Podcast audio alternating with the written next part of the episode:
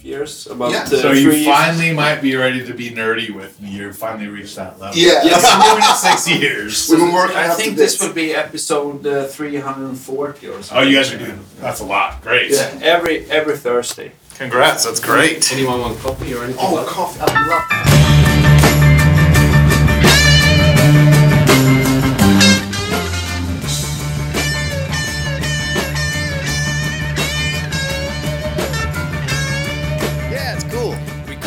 to we, we like to talk about gear and and fuzz pedals and uh, Okay. and, uh, and strings and picks and uh, yeah whatever.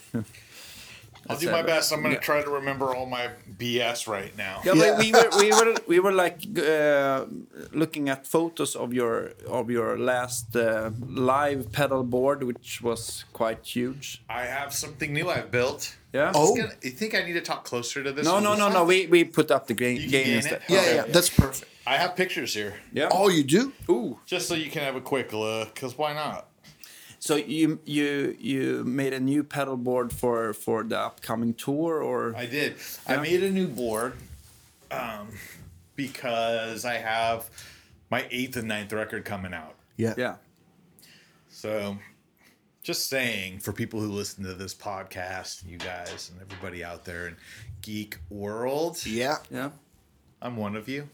Yeah. We're together. You're in a safe space here.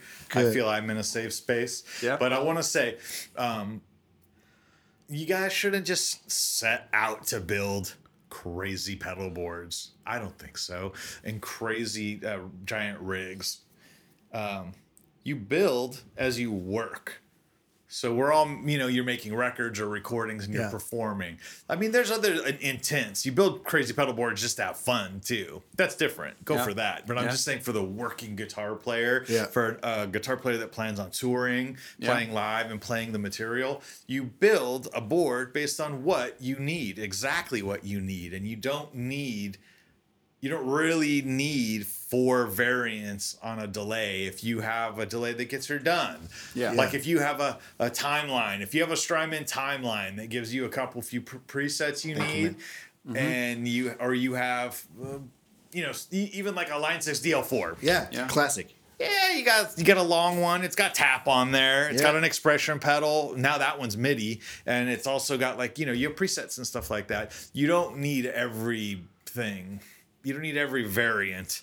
Um, I build my rigs based on what I need. So since I'm releasing our eighth and ninth albums right now, I need a lot of stuff because I want to recreate what we're doing. I, I Yeah. go all the way back to Before the Fire, and sometimes we might play stuff off the first, second, third record. Third Yeah. record being Pressure and Time. Yeah. We play songs off that record, so I'm a stickler for like.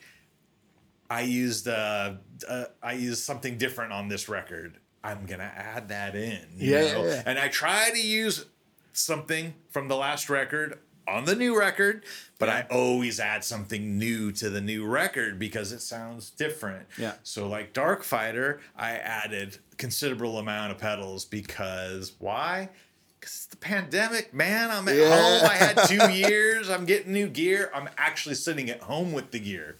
Having time. Maybe Have for the time to first time in a couple it. of years. Yeah. Go through all this stuff that I have, boxes and walls of of, of pedals and fun Do, gadgets. do you know how many fuzz pedals you own?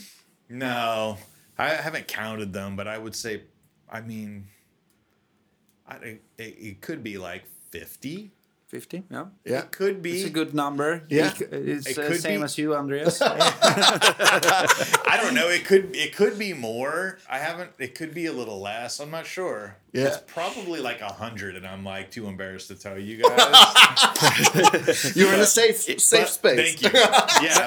but but on this new pedal board, Oh, yeah, ha- let's- have, let's- have, let's let you have guys look ha- at it. Have Oh, you kept any uh, pedal from your first uh, record that or that Yeah. you have been using all the time? Yeah, I do that. I I have several things that I use. Like I said, I keep them in the mix. Okay. So I'll just describe what I'm doing because it's perfect. Love it. it's different. It's different. I'm gonna tell you something that you haven't heard of anyone doing right now. Are you ready? Yep. Go. Geeks, brace yourself. I'm really proud. I'm really proud of this actually. So after I built my the Feral Roots rig, I'm thinking I need I can't have three pedal boards. It's it's too much of a dance of death. It's like where I'm um, Maybe this one is a little bit. Oh, sorry. yeah. Maybe um uh, it, it's too much like where I'm having to turn a delay on, turn a delay off right before a fuzz comes on, or vice versa. Yeah. It's like mm-hmm. you know you have to kind of time reverbs and delays with fuzzes and gains so things don't jump weird. I can't do it anymore. Like I have to build a switching system. Yeah. Yeah. So I built a Bradshaw rig with Bob, Oh. with Bob Bradshaw, who I had built a rig before in 2000. He's a good friend. I love what he does, and it's really fun to do that because, you know, one button. Oh, I use yeah. multiple amps, different different pedals all coming on and MIDI and all that. I'm fine with all that stuff. I'm not just a purist. It doesn't just have to be pedals. However, you need to get the sound, I'm into it. So I built a big Bradshaw rig, and it was terrific, and it sounded amazing. And I used uh, my custom shop orange amps, custom shop 50s. I used uh, uh, this wonderful uh, Supro amp. And that's not, not even being made anymore. So I used two Supros, a couple different cabs for each one, and two boards of pedals a big one and a smaller one with some MIDI equipment on Okay. it, like the Strymon Timeline and the Mobius Yeah. and a reverb unit. These they they were MIDI controllable as well, Mm-hmm. and a uh, HX effects kind of at the end of my chain, Yeah. just to do gating and whatever, anything extra, filtering, weird stuff I could do with that thing. Mm-hmm. That's a Swiss Army knife. This HX machine. So um, I built that. It sounded great. I loved it. It was fantastic. I toured with it for two years. But in that tour cycle, it ended up being where um, we did fly dates on tour where Yeah. like the gear is going here and we're flying over here, but the gear is going to the next gig. And we're going like, you know, Yeah. my 4,000 pounds worth of gear isn't going to make it on the plane. No. My gear has to stay with the rig and I need to take something with me. So I built a fly rig. A lot of guys do this. Yeah. Yeah.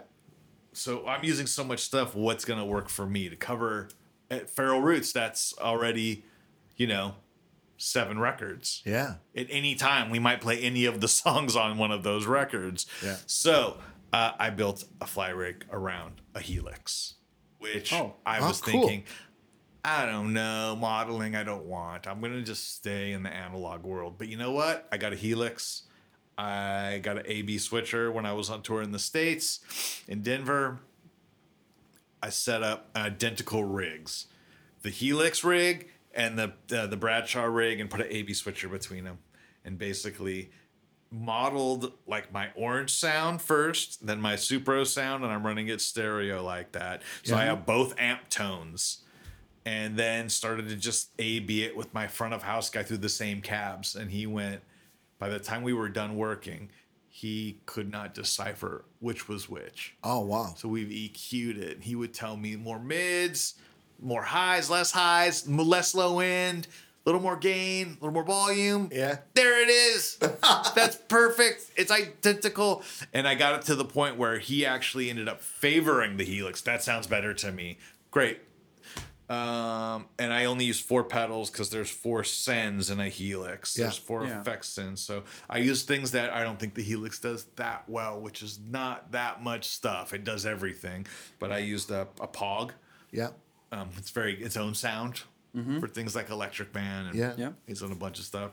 Uh, I used uh, bass uh, micro synth Yeah. because of all of Hollow Bone stuff was Yeah. on that. Some of the stuff on Feral Roots, I used the bass mic, and it's weird. It's glitchy and weird. It does its own thing. Those two, I need to. I gotta use the pedal, and then I said I'm gonna take a couple fuzzes with me, just because I know these are the ones I like to use a lot, which are a Roger Mayer Octavia, Yeah. Mm-hmm. which I love, love, love forever. It's one that I've used forever, and then Like the rocket spaceship yeah. ones. Yeah. Actually, on this board, I used the regular pedal. Yeah. And then I took a, a Deep Trip, a company from South America, Deep Trip Hellbender. Yeah. And I'm like, these, I can do pretty much everything I want. Everything else is in here. You know what I mean? And I Yeah. started a program and I programmed whatever I needed. I'm giving you guys the long story. Oh, 'cause we got time. So Yeah, you no, guys no, like this. for it. No, no, uh, Hopefully, we- we- everybody we likes like- this. we love this stuff. So through time, I'm using the fly rig, using the fly rig. Then what happened? Everybody's like, we kind of like the fly rig as much or better for some of these sounds, man. Fly rig sounds good. My band, my front of house, my engineer. Um, it just was so easy, and it's two pedal boards. Yeah. it's the Helix with the four pedals on it. Yeah. and it's a board that I keep like an entry pedal that I always have, like a wah pedal, a fuzz probe, and uh, maybe that's it. You Yeah. know, it's in a volume pedal because I, I, I since I use Firebirds and uh, lots of different guitars, I like the volume on the ground. I don't do it on the guitar. Better for my feet. My hands are busy. Yeah. Um, so that's always there. So these two little boards, that's it. And I could take that everywhere. So I started taking that everywhere. And actually, we started the tour, and it was like, man, for budget reasons, can you just use your fly rig on a headline tour? Yeah, you save some money. a lot Oh, of money. a lot. A lot of money, yeah. So then I started using that rig and not taking the Bradshaw rig. I could feel it a little bit. There was some nuance and time that needed to be spent with that Helix just to get it all the way there. But um, I did things like ran it through uh, Mesa Boogie uh, Stereo 250, which is a two power amp. So now I'm yeah, hitting yeah. a two power amp, which has like a preamp too. And I'm hitting a live speaker. I mean, it's pretty much perfect at that point. Yeah. So Are, are you guys on in ears or or you? I was on in ears for the last handful of years. Yeah. I came out of them. Yeah, I, okay. I, I, I don't like them. I'm not a fan. For for me, it's a little bit weird. Okay. We can cut touch on that in a minute. yeah, yeah. I'm going to finish my story. Go. um, long story cutting to the chase because it's a long story i'm going to cut to the chase i ended up deciding that i'm going to build a new rig that covers everything i can't use the helix the way it is because all the songs on dark fighter i used like four or five new pedals Yeah. that are like fuzzes that i can't replicate they're not just a fuzz it's an octave weird thing a thing uh, uh, by a guy named Kozik that we worked on together um, I used a Keeley Synth One. That thing doesn't do the Synth One tone. It's really its own thing, you know. I used uh, an Atreides by Way Huge. That's its own thing, you know. And I used it a couple times. I wanted to be there. So these things had to. I, I can't use the the Helix. So I had several different ideas, but what I came up with eventually was I'm gonna use the Helix and I'm to use the Bradshaw together. That's what I'm to do. I'm to make I like the actually the way the Helix looks better than my RS Bradshaw board because it's alphanumeric on every single button and it's so highly programmable. Instead of using a drive, I might just turn up the amp sound. Instead of cutting, like using a pedal to cut, I'll mm-hmm. just turn the amp down, turn the gain down. I might boost the mids really high, or like, you know, you can, it's so programmable part to part, you know? It's killer. Yeah. It's killer. So I built a whole rig around that and decided this is the brain and I have all this programming already in there. I'm just going to implement two Bradshaw boards, basically two pedal boards together. That will be a board one and a board two. One will be a gain board with a bunch of high gain stuff. Board two will be modulation stuff on board two, and they will go into the sends. So now I have send one and two, and then Helix send one and two act like uh, effects blocks in the chain. So what's cool about that is my modulation block, I can move it. I can move it like away from the gain. So if I'm using helix gains or boosts, I can move it away from it, you know, towards the end like it should be. Yeah. Same with the, uh, the the high gain one. I can put that high gain one right at the front, and these things can move around now. Yeah. It's great. So I can show it to you guys. Here Oh. are here are the here are the boards if you want to see. That's board one and board two. Epic. Let's see if it is this better. Oh. Yeah. So I use I, they're sitting like on a keyboard stand, a two tiered keyboard Yeah. stand.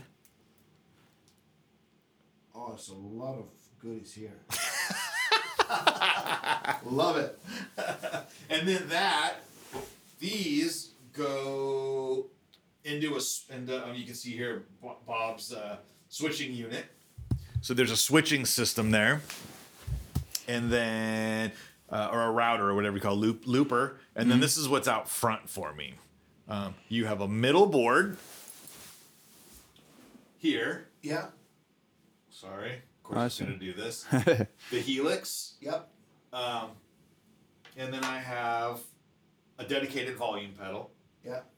I have a pedal that controls the Mobius, which is in there, so in case Yeah. I want to do any rotary or like just control the Mobius.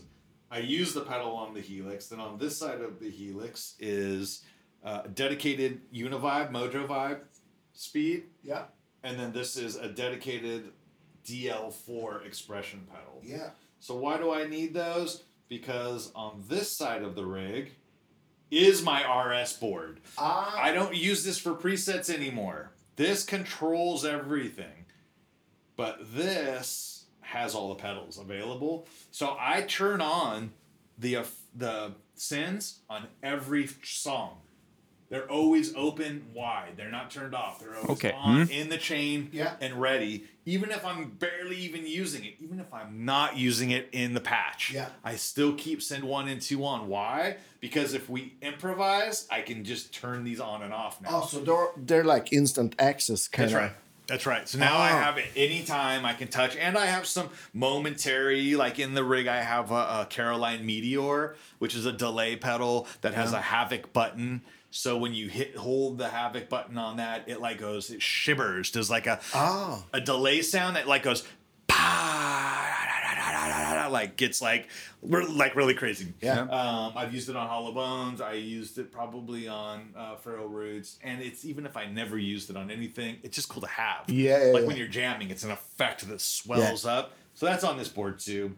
Um, does a couple other things, but mainly it's just there for instant access for my whole rig. Then this thing controls everything, and then like I was telling you guys before, I have an entry board, which is just what I always use, which is a Fuzz. Uh, a wah pedal. I, I take the fuzz probe with me everywhere just because I think it's the greatest thing ever.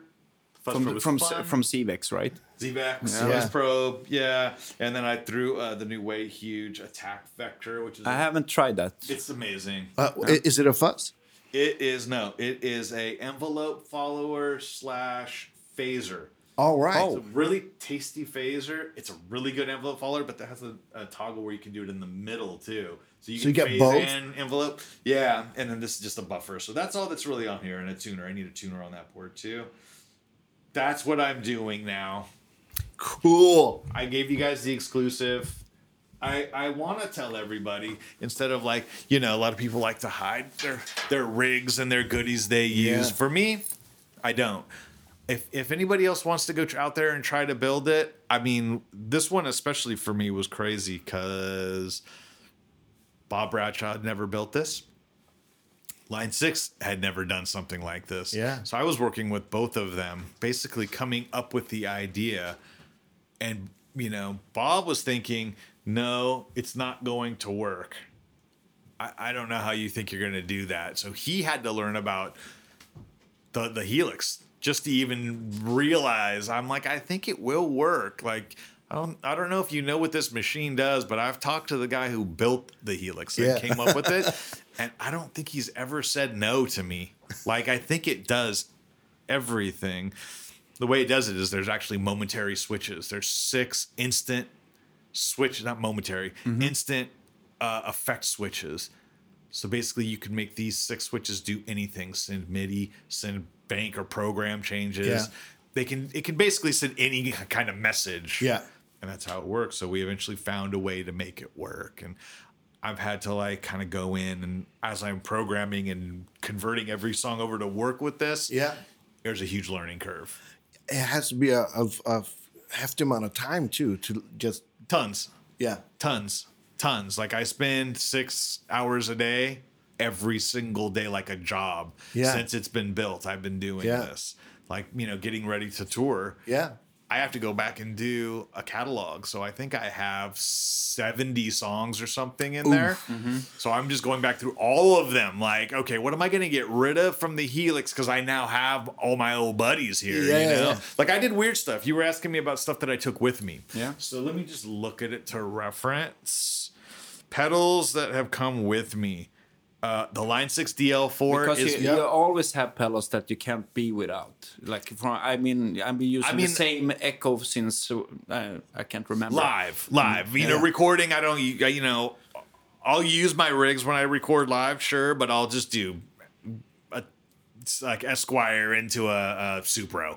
Yeah, Yeah. we were talking about of that. Of course. Yeah. That uh, that we heard. Uh, Yeah, well, we're thinking, is this a Telecaster, Esquire, or something? I use an Esquire on the new record. Yeah, Yeah. yeah. Dave Cobb uh, has an exquisite guitar collection, crazy, awesome, and Yeah. um, he has this. I think it's a '54 Esquire that's just super charming, super. Yeah. You know, I'm sure you guys have played some old Fenders. Sometimes they're just like, wow. Yeah. This is amazing. Like Yeah. it feels much different than a regular guitar. The weight of it, the neck, how different the necks are because they're every single one is a little different. I have a 62 uh, Jazzmaster that I've used for years since I started the band, and it's like that. It sounds a little, even when it's a little out of tune, it still sounds in tune. It's just so friendly. The Yeah. guitar is so great, and it's a slab board, and it's just got a like a big robust sound, and the neck is slim, but it still fits in the hand nice, and the carve is different than any other Fender I've touched. Like someone made this neck different, you know. Anyway, Dave has a, has a 54 that I use Esquire, which is one of my all time guitars. I don't use any live, but that's kind of my one of my be all end all super guitars. Yeah. I love the stupid simplicity of it. Mm-hmm.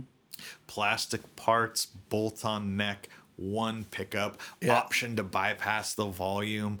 It's just so manly and so poetic. Like, Yeah, yeah. man, it's it's like one degree away from the diddly bow. Yeah. You know, the nail with the string with Yeah, the yeah. like pickup mounted all archaically, you Yeah. know. It's one step up from that. Like it's we bolted the neck on this really chunky, weird, hard carved body with one pickup in there, and it barks. It gets Yeah. angry, but it can be real tender too and real beautiful. Um, anyway, I'll tell you some of the stuff that I brought with me that Yeah. I've had for a long time. The Line 6 DL4. And you're thinking, why the hell would you use that old DL4? You can only use one preset. I can't even access the other presets or the tap tempo because it's off stage. yeah. Yeah. Um, because I made one preset years and years ago. Thank God it stayed alive. It stayed alive. Um, and it does a thing. It does this runaway thing. You've heard it on like all my records. Yeah. It's real particular to how it's it's my own thing. I don't even know exactly how I got it. I've tried to emulate it. Bob tried to emulate it. We can't figure it out. but this one has it, and I just use that one preset. And Yeah. there's even the dedicated expression pedal for it because it's so sig. And I can use it um, in the heel position.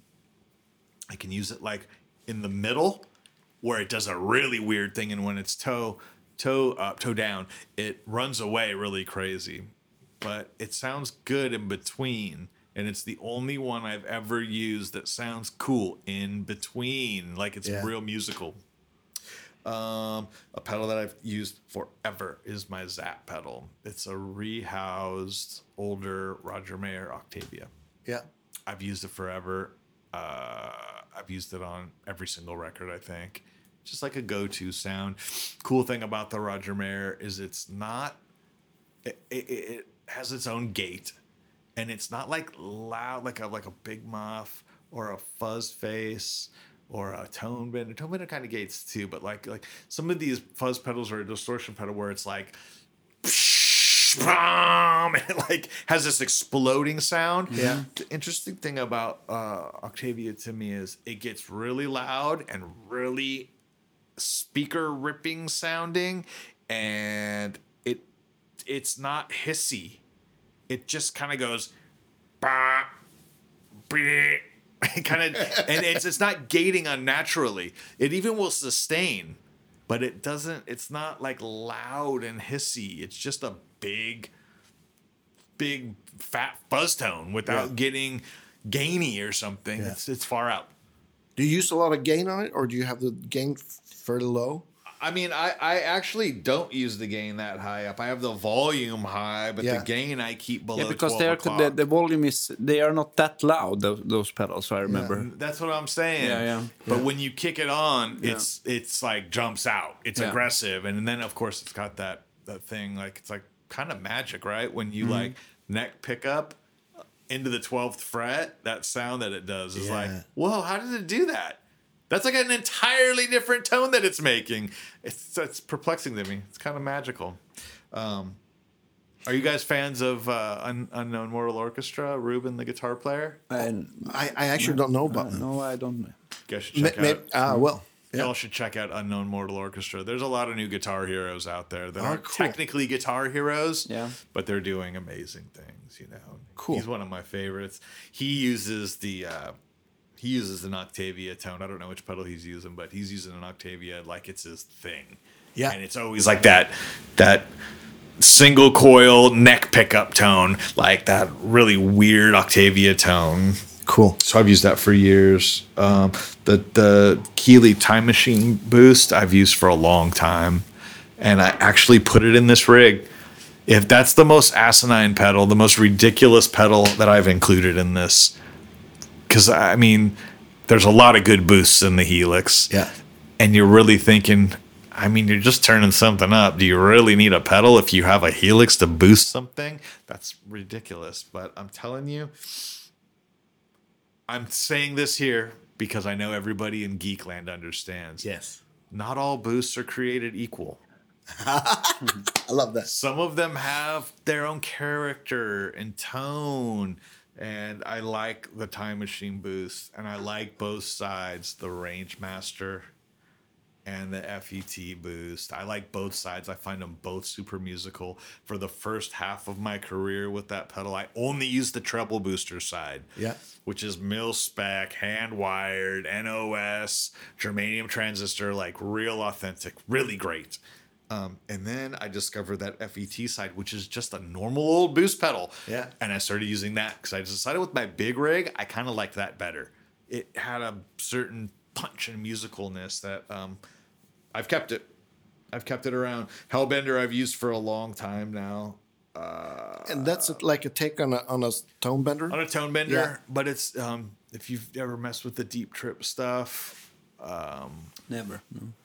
he's great. He's fantastic and a friend. Um, does really good work. Has a whole series of pedals, and they're really moldable. They're really interactive. The controls with each other, and yeah, I don't know. I just fell in love with these things. Yeah. And the Hellbender just got so much play um, during Hollow Bones, and then during Feral Roots. And I ended up using a lot of old stuff too. I keep it around. Yeah.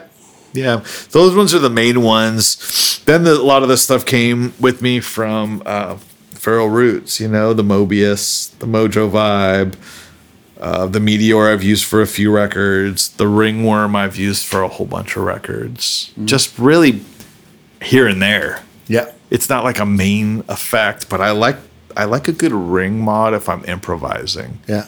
and that one's really really good too some of the new stuff though that i'm using is super fun i don't know if you guys were hip to that reverb sale where they had certain artists um, combo up like re- recently uh, electro harmonix and jhs just released that lizard queen Yeah, that one. it's Looks in the, really interesting. it's in the mail right now i'm Yeah. it'll be it'll be at my place when i get home i'm Yeah. excited Yeah. um, but before they did that, some I think a year ago, two years ago, three years ago, it was a minute ago. Um, a whole bunch of companies did it. Zvex did it with uh, Chase Bliss, and it was all on the same day, like a pedal day on Reverb. Yeah. yeah. And um, Earthquaker and Death by Audio did one, and I had to wake up like at whatever seven in the morning because it the sale went up, and they did it on Reverb, and they think I think they only did like 500 of each one, and they all sold out in like 20 minutes. Oh. Yeah. So I got the Earthquaker and Death by Audio one. I like got it at a normal price, and um, it's called the Time Shadows. That's in the new rig. It's kind of a fun pedal that people can't get. That's on the new record in a few spots that I'm excited about. Uh, yeah. What else? Uh, Yeah. wh- how many how many guitars do you need to bring on on uh, when you're touring right now? I take a lot of guitars. Um, Only Firebirds or Oh no, I again to geeks, geeks Yeah. all over the world. yeah? you want to take as less equipment as you can. it's just the best. It's just easier, you know. Mm-hmm. I would love to be playing an Esquire through like a Tweed. That would be amazing if that's all I had to take, you know. Mm-hmm. But I use a lot of different tunings and double neck guitars because I'm using two different tunings and sounds. Yeah. Um, and the tunings make it difficult and i usually want to take two of each tuning out. So i'm using i think for for the dark fighter tour coming up i'll take three six nine. I think i'm taking like 12 guitars with me Yeah. so technically, I'll be using roughly like I think there might be six different kind of tunings happening, you Okay. know, and then some double and Is it open tunings or tunings like Yeah. standard but lower and all that. all that? Yeah. Yep, yep. I've used. I have um, some open tunings like uh, DADGAD, um, Dad Dad, which is the tuning that I've used for like since I was a kid. D A D D A D with Yeah. the drone in the middle. Yeah. um, open G, which Yeah. is a half step down, actually open F sharp for us. Yeah. What else? Standard Yeah. uh, D, but standard Yeah. all the way down Okay. to, to D. Uh, I'm using baritones on this record a lot. Yeah. We heard we heard that. Yeah. Yeah. So the funny thing is, when we started writing the record, I was using a baritone at home, and Jay had just gotten this eight-string Taylor baritone acoustic. Oh, cool. So he was just by, on his own writing baritones. We started trading material, and we're like, "Hey, that's great. we're doing the same thing." Perfect. Yeah. So we're we're actually Jay's taking a lot of guitars out on this run too. Yeah, because there's He's there's, taking a there's a lot of acoustics actually on So the, he's playing all acoustic guitar Yeah. stuff. Yeah. Um, so I think those are those are that's a handful of the tunings I'm using. It's a lot of stuff. Um, the bear I, I built a special guitar because I used a baritone, and then of course you just don't think while you're working. If when you're using a standard guitar, a baritone in the same song, you're like, ah, I'll make it work, you know. But then I'm like starting to work, working out, and I'm like, I can't do some of the stuff that I'm doing on standard on the baritone. It's a little too slinky and like loose. This is a little bit tighter, this baritone. Um, so I have to use the baritone, but what am I gonna do? Like Gracie's stand, the electric. Yeah. Could do that. You know what? Let's build a double neck with a Yeah. baritone and a standard. Yeah, check it out. You guys want to see that one? Oh. Yeah. But do you tune the, the baritone B to B or A to A or A to A for all my records. The reason I did that is uh, it's really innocent, honestly. I started out. Uh, Hollow Bones was the first record we used baritone on. Yeah. And I just happened to be in Dave Cobb's studio, and he had a Jerry Jones Longhorn baritone in there. And sometimes we just write off the floor, and I had Yeah. just grabbed it off the wall, and I wrote Hollow Bones Part One, and then also ended up writing Hollow Bones Part Two with that same guitar. I never checked the tuning when we first, like when I first started playing it. Yeah. I just played it. It was in tune. I didn't think about it. I Yeah. think I tuned it to a tuner, just thinking, oh yeah, it's pretty much in tune. There we go. It's good. And didn't even register. This isn't in B, it's an A. Like somebody he had worked with put it in that Yeah, tuning. and then we recorded, and then I'm like, we went to do part two, and I'm going, "I- I'm not gonna put this one in B. If that one's an A, they're both gonna be an A on this record. Mm-hmm. So then I'm taking that on the road. Then I just figured, why would I do that? Why would I have one in B and one in A? That's we're gonna have our baritones in A now. That's Yeah. what it is now forever. Yeah. So yeah, um, and it sounds great. I actually like it down there. Let me see if I can find a quick picture of this guitar for you. You guys can ask me anything. Who while I who look it built it? my good friend Matt Hughes at Banker Custom Guitars. I don't know if you guys have heard of him. No. no? Where's he at? He is in Georgia. And uh oh, is this it? A lot of people are starting to use his stuff. Um Marcus King. Yeah. and him are really close friends. So he, Marcus uses some of the guitars. Uh, my buddy Charlie uses them, and Blackberry Smoke. Yeah, yeah. Uh, God, the, gosh, all them witches. Ben from All Them Witches uses them. Uh, Brent from Mastodon is using them. I- They're all great guys too. Great players, great guys. Um, and he basically the cool thing how I met him was through Tyler Bryant, who also uses. Yeah, yeah, yeah. Tyler turned me on. We were playing some shows with Stone Temple Pilots together, and he goes, "Oh man, I'm using this like flying V he built me. Best thing I've ever gotten. Yeah. gotta check it out."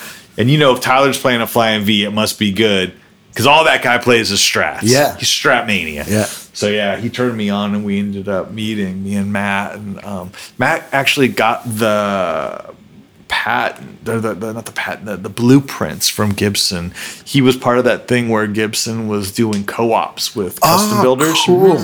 Yeah, instead of suing them and putting them out of business, they decided let's actually extend ourselves to Yeah. some of those builders, let them have like free reign on it, and build authentic, custom built, handmade things. Yeah. And we'll do like co-ops together. You know, he can build something from them. I love that. Yeah, me too. Me too. Because Gibson put basically tried to put down my uh, good friend Doug Kauer Yeah. for the Banshee. Yeah. Which I get it. It's business. I think it's a little chicken shit and it's a little lame.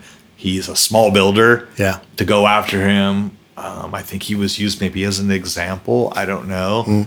I really don't like that they did it, and you won't see me play too many new Gibsons because of that. I think it's shitty.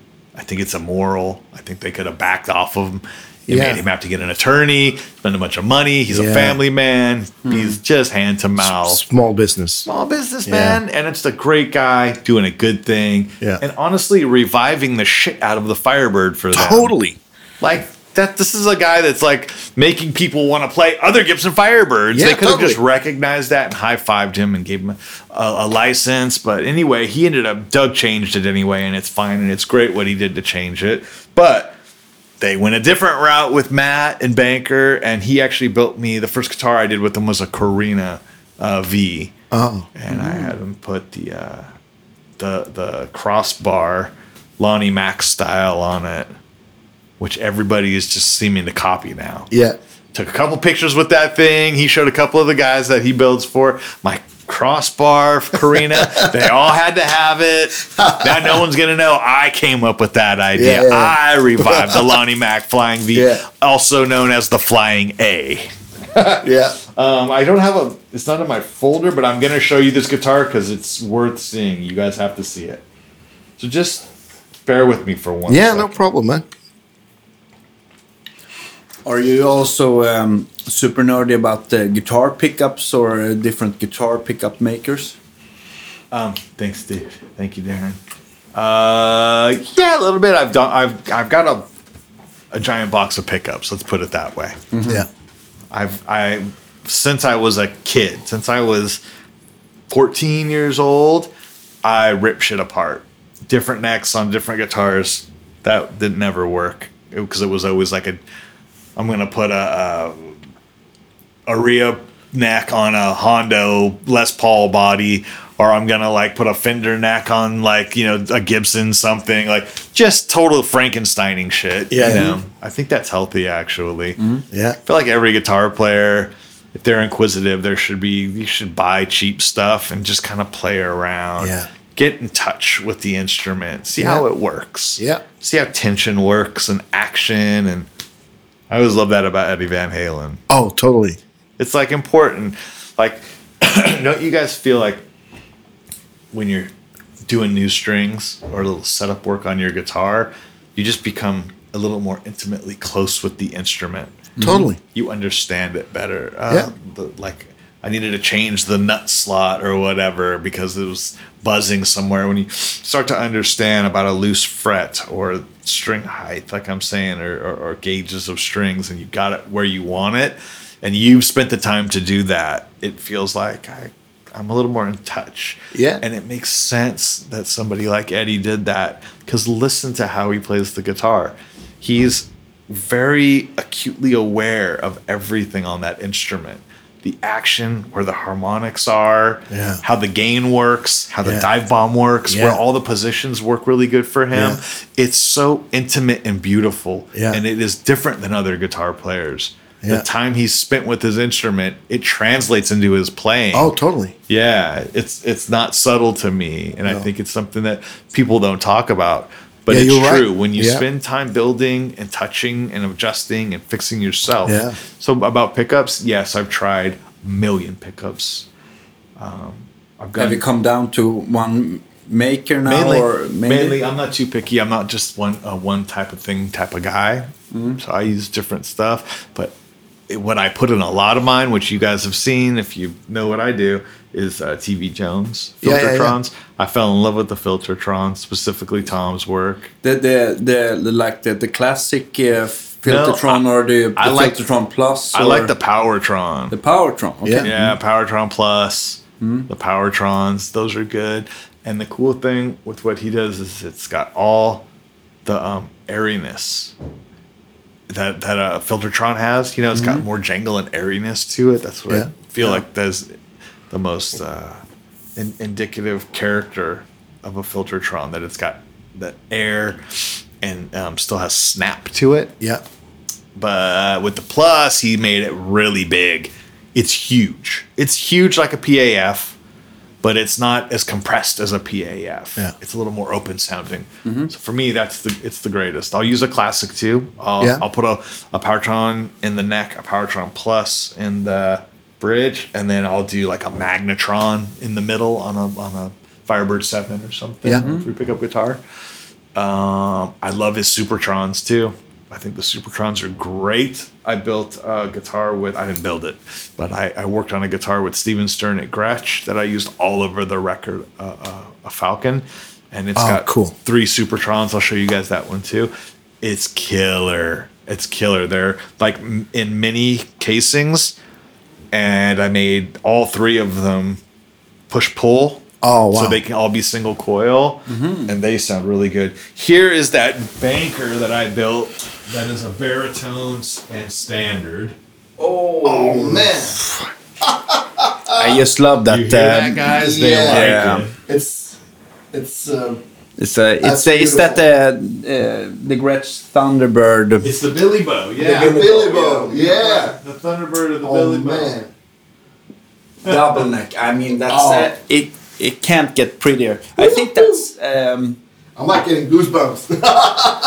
It sounds That's- so great. Yeah, it plays man. so great, and I love. and it looks he came up- fantastic. It's so beau- his work is so good, man. And um, I wanted to keep it real simple and clean. And I thought, what? As much as I love the Esquire, Yeah, I yeah. said, what is more beautiful and also more ballsy as hell?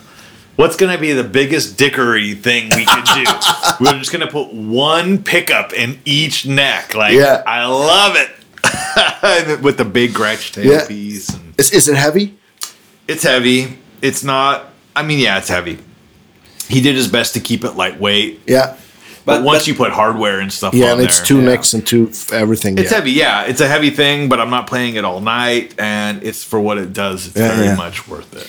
But uh, the baritone neck didn't uh, look too long. Was it like a 27 scale? Because uh, otherwise they can be super long, like the Yeah. almost like uh, I playing think a it, no. I think uh, it's it's like what I did with Kauer, which is not 27.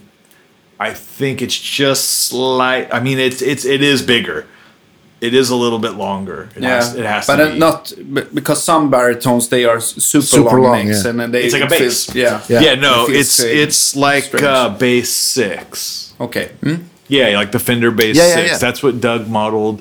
Um, the baritone Banshee that he built me, which is just a beautiful guitar, which will be on tour. Mm-hmm. Also in its new own tuning. Okay. Oh, That's a separate thing.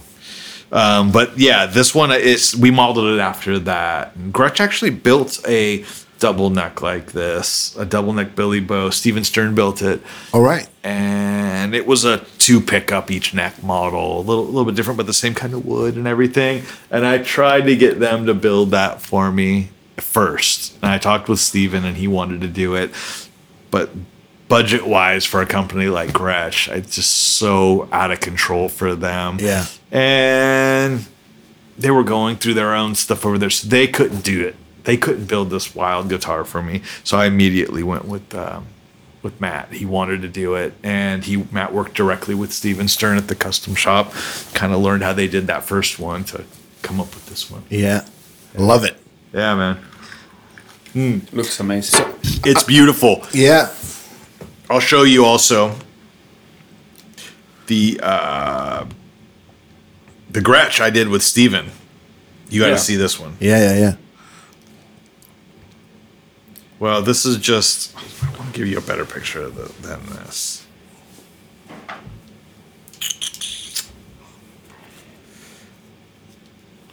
This one has its whole own story, kind of too. Yeah, my glasses are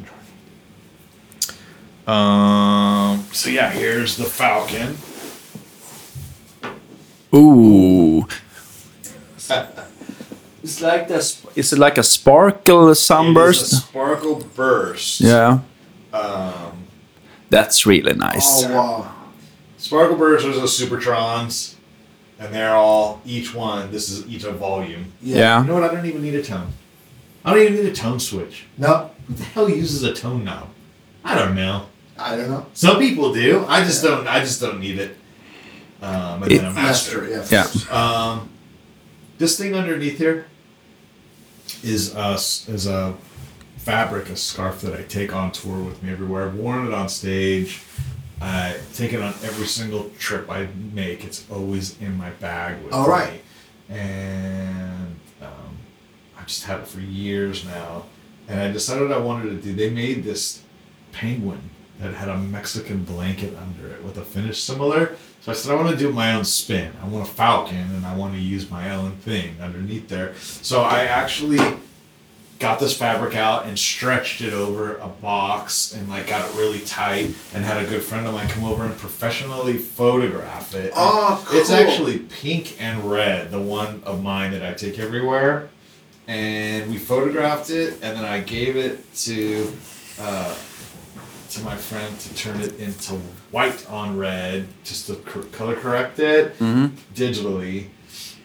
Um, because the idea was that it, I had this story that I made up. It's total bullshit.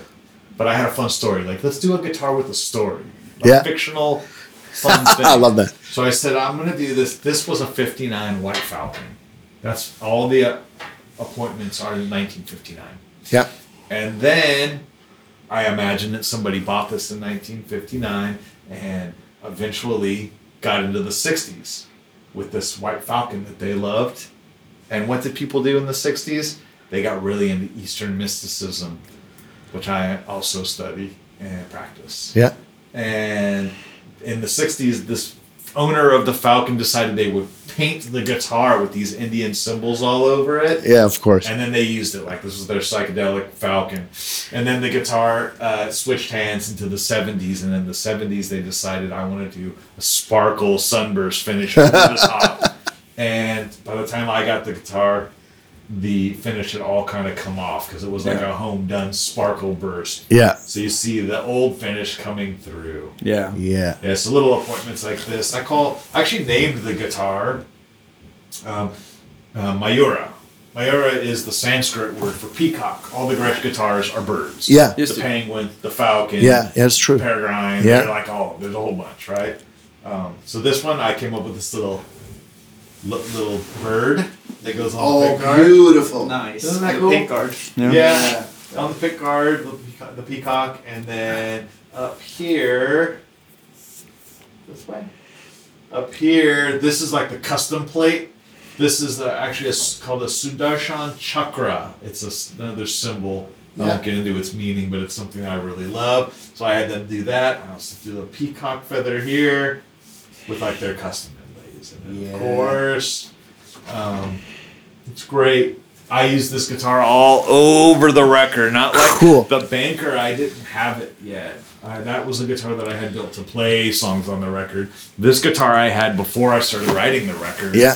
So I just used it pretty religiously on the album. It was kind of my go-to guitar. Yeah. But you don't have any problems with the with the, the semi-acoustic. They they they. Um, It's actually the fully hollow. This one. Okay. Oh, so no f- uh, middle thing. Yeah, or I think we did a light block Yeah. All right. on Yeah. this okay. one, like minimal. so it, minimal. it can stand the volume. Yeah. Yeah, I because of the way my rig works, I uh I have gates and stuff. Yeah. I use noise gates. I mean, if you're a big fuzz guy Yeah. and you use other stuff with the fuzzes, you have to use gates. Yeah. But have you found any gate that works better for you than other? Do you have any favorites? I use the gates inside the Helix, and I think Okay. they work Yeah. great. There's several options, so depending on the what you're what you're using in there, Yeah. what kind of stuff is happening. I just used a, a regular standard hard gate, Yeah. like the hardest one they make. It's super programmable. Yeah. Hmm. Like how it's, it's got hold time, it's got front and back, like a regular gate. It's great. So I, I have a, actually a, actually a Helix question. Yeah. Do you use like snapshots for songs? I do. Yeah. That's that's how I use it. Snapshot mode. Yeah, it's So like intro, verse, Exactly middle, or like s- that. whatever sections the song. exactly like yeah. that. So how many snapshots? Eight. How Eight. many do I use per song? Per song, yeah. Different. Yeah, Some diff- songs only two or three. Yeah. I mean, probably always three, Yeah. but um, some songs eight. Yeah. And I can now see. Before I had to make presets. I had to make snapshots because I didn't have instant access to stuff. Yeah. So if I was using a delay, I couldn't just turn the delay on. I had to like. There's a delay in the patch. But I have to make a delay patch and then Yeah. have it off patch. You know what I mean? Yeah. Now I can kind of turn things on and off because I have the instant board, you know? Yes. But I'll still, if I have extra ones, why not? I might just make the patch anyway. You Yeah. know what I mean? Make it easy. Yeah. Yeah. So I'm a, I'm I'm curious because you guys you've been working with Dave Cobb again, right? We did, yeah. Yeah, he's by far one of my favorite producers of all time. Fantastic. Yeah. So lovely. So uh, did you write? what he does. How, how much did you record in Nashville? A little bit. Yeah. Yep. The first few sessions we did, we had more than one session for this record Yeah. because it was over time. So the first session was only a couple weeks. It was during the pandemic. Yeah. It was strained. It was difficult. Yeah. It was masks. It was like funky. Yeah. Nobody went in the control room. We just used the tracking room. We put a Neve console in there and the monitors, and we tracked where the desk was. If you see an RCA studio, Yeah. Studio A, it's um, massive. Yeah. it's a massive room. So we just worked in there, and um, we ended up coming back and doing a couple other sessions inside uh, RCA. Yeah. and then we did a lot of recording at home, tons of recording at home Yeah. And also did uh, we finished the record lightbringer and Darkfighter in uh, savannah. They've built a new studio in Okay. savannah. Just a small like project studio home studio. Yeah. but we that's where we made most of the record um, rca home a. Lot for me a lot of home stuff. Yeah, just because i was in that mode. I was producing other artists writing with other people. Yeah. um, i was in the flow Yeah. So so you, I had a way I can I could achieve things quickly. So yeah. So you got like when- a setup that's yeah, and even when I was in RCA and I, I cut lots of stuff there and solos too, um, as well as in Savannah, but I just kind of knew some of it. Eh, let's just do something else. Like we can, like I, we don't need to finish this song here because we're gonna take a lot of this stuff home anyway. Yeah. I know like these like three songs. I know what I'm gonna do, and I'm gonna actually do it at home, and Yeah. I know what I'm gonna use to get Yeah. the sound. Yeah because then it's like full i'm fully engineering it you know Yeah. like there's stuff i'm doing i'm using luna and there was stuff in luna i knew i was going to do and little effects and rather than explaining it all to one of my terrific engineers and undermining them and telling them to use my technique Yeah. eh, i'll just do it and i'm gonna do myself and then Yeah. i'll send you the file you know Yeah. yeah So do you have like an amp room with mic'd up stuff? And, no i actually i record i prefer to record low volume Yeah. i like my amps to be um, small Yeah. So I mean, they, they will get loud, but everything I record with are, are littler amps. So Do you have any favorite that you use? yeah, my than- MVP, um, it's, it's not even a vintage one, but uh, I have a Supro uh, 1600, a Supreme 1600. They don't Oh. make. they don't Oh, make cool. anymore, but it's, it's a little tiny, like bedroom type of amp. Yeah. But it's gig worthy. I mean, if you can get your, anyone hearing this that can find one of those, it's terrific. It's a no nonsense, one trick pony, uh, two inputs, a you know some tone and volume. That's it. It's really really dead simple, but it sounds good. It sounds great. For some reason, this thing is just terrific. Dave Cobb has one. Jay Yeah. has one. All my friends, we have these. I think maybe Tyler might have one. I don't know. Yeah. Are they still making those or They don't make They them, don't but make they should bring this one back. They make other stuff that's probably fantastic too. Yeah. I don't know, but this one, this is the one in my room that I used for everything. Like if you're putting a fuzz through it, you don't want to. For me, I don't really need to put a fuzz pedal through like a Marshall, or Mm-hmm. or even my my 50 watt orange amps, or any of my Reeves Reeves amps, or anything too loud and big. Yeah. The best sounding fuzz tone is uh, a single coil pickup, uh, a really aggressive germanium fuzz, or there's some good silicon ones too, into a, a, a small amp. That sound is great, where you can kind of guts up the amp a little bit and let the fuzz do the work. Like Yeah. preferably like a circuit that doesn't break up too much. Because you want the fuzz to do the work. You want it to have enough headroom that the fuzz is gonna like do its job really well. If you got all this gain and shit happening and you put a fuzz in front of it, eh, I get spongy. gets a little bloated and it's, it's, it's frequencies get lost, you know. So do you have a, a favorite mic for your Supro amp? You know what? I've used uh, a Shure ribbon at home. Um, I have a TLM 103 Neumann that I used at home for that. Yeah. But honestly, I have a, a SM7, the, Yeah. the Swiss Army of all mics. Oh yeah. Um, but honestly, all the engineers that, that I've worked with, they all say the same thing. Uh, uh, what do you call it? A Shure. uh, uh, Fifty-seven. a, a 57. Yeah. Yeah, just a Shure 57 is where it's at, dude. It's like Yeah. by the time you're doing anything else, you don't really need to do anything else. That's that's gonna get what you need for a guitar. Yeah. Yeah. It's a classic for a That's it. reason. it's effective, man. And I mean, Yeah. really, especially nowadays, you can just do so much in post if you need to. Yeah. That's enough. That's going to get you a great tone, Yeah. you know? yeah. Yeah.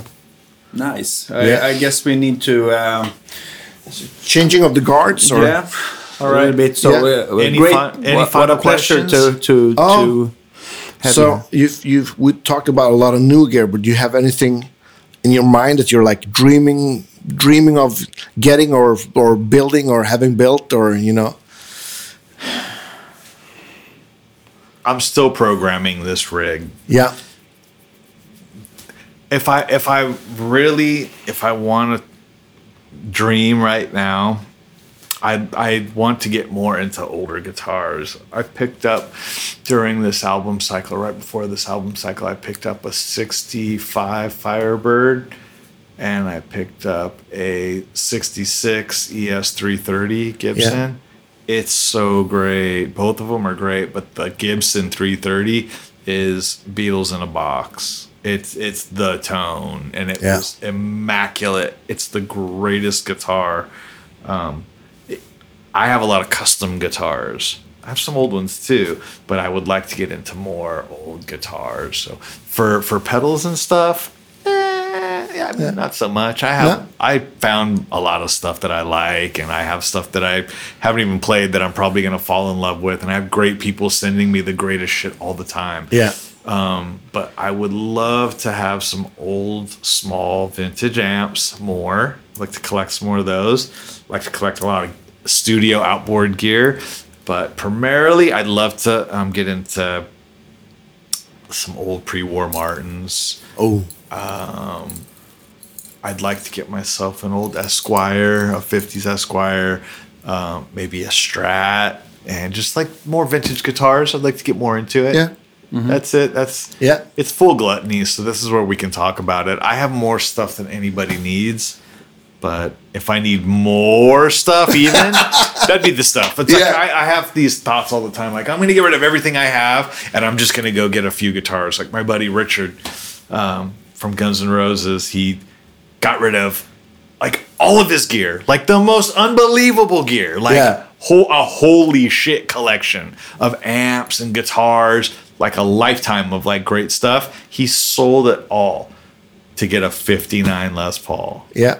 And he did it. And he's got this unbelievable guitar. He's distilled this collection into this one thing. So Yeah. I always feel like, yeah, if I sold these 10 guitars and handful of amps, maybe I would just get like three or four, like, these are my jams right here, or even just two, you know? Yeah. So there you go. Well, we like to chase too. That's fun. Yeah, it is. It's super. You got to get rid of stuff just to Yeah. get back in the chase, right? totally. Yeah. Scott, it's an honor having you on our podcast. Thank you so much. Happy to be here. Honors mine, guys. Thanks.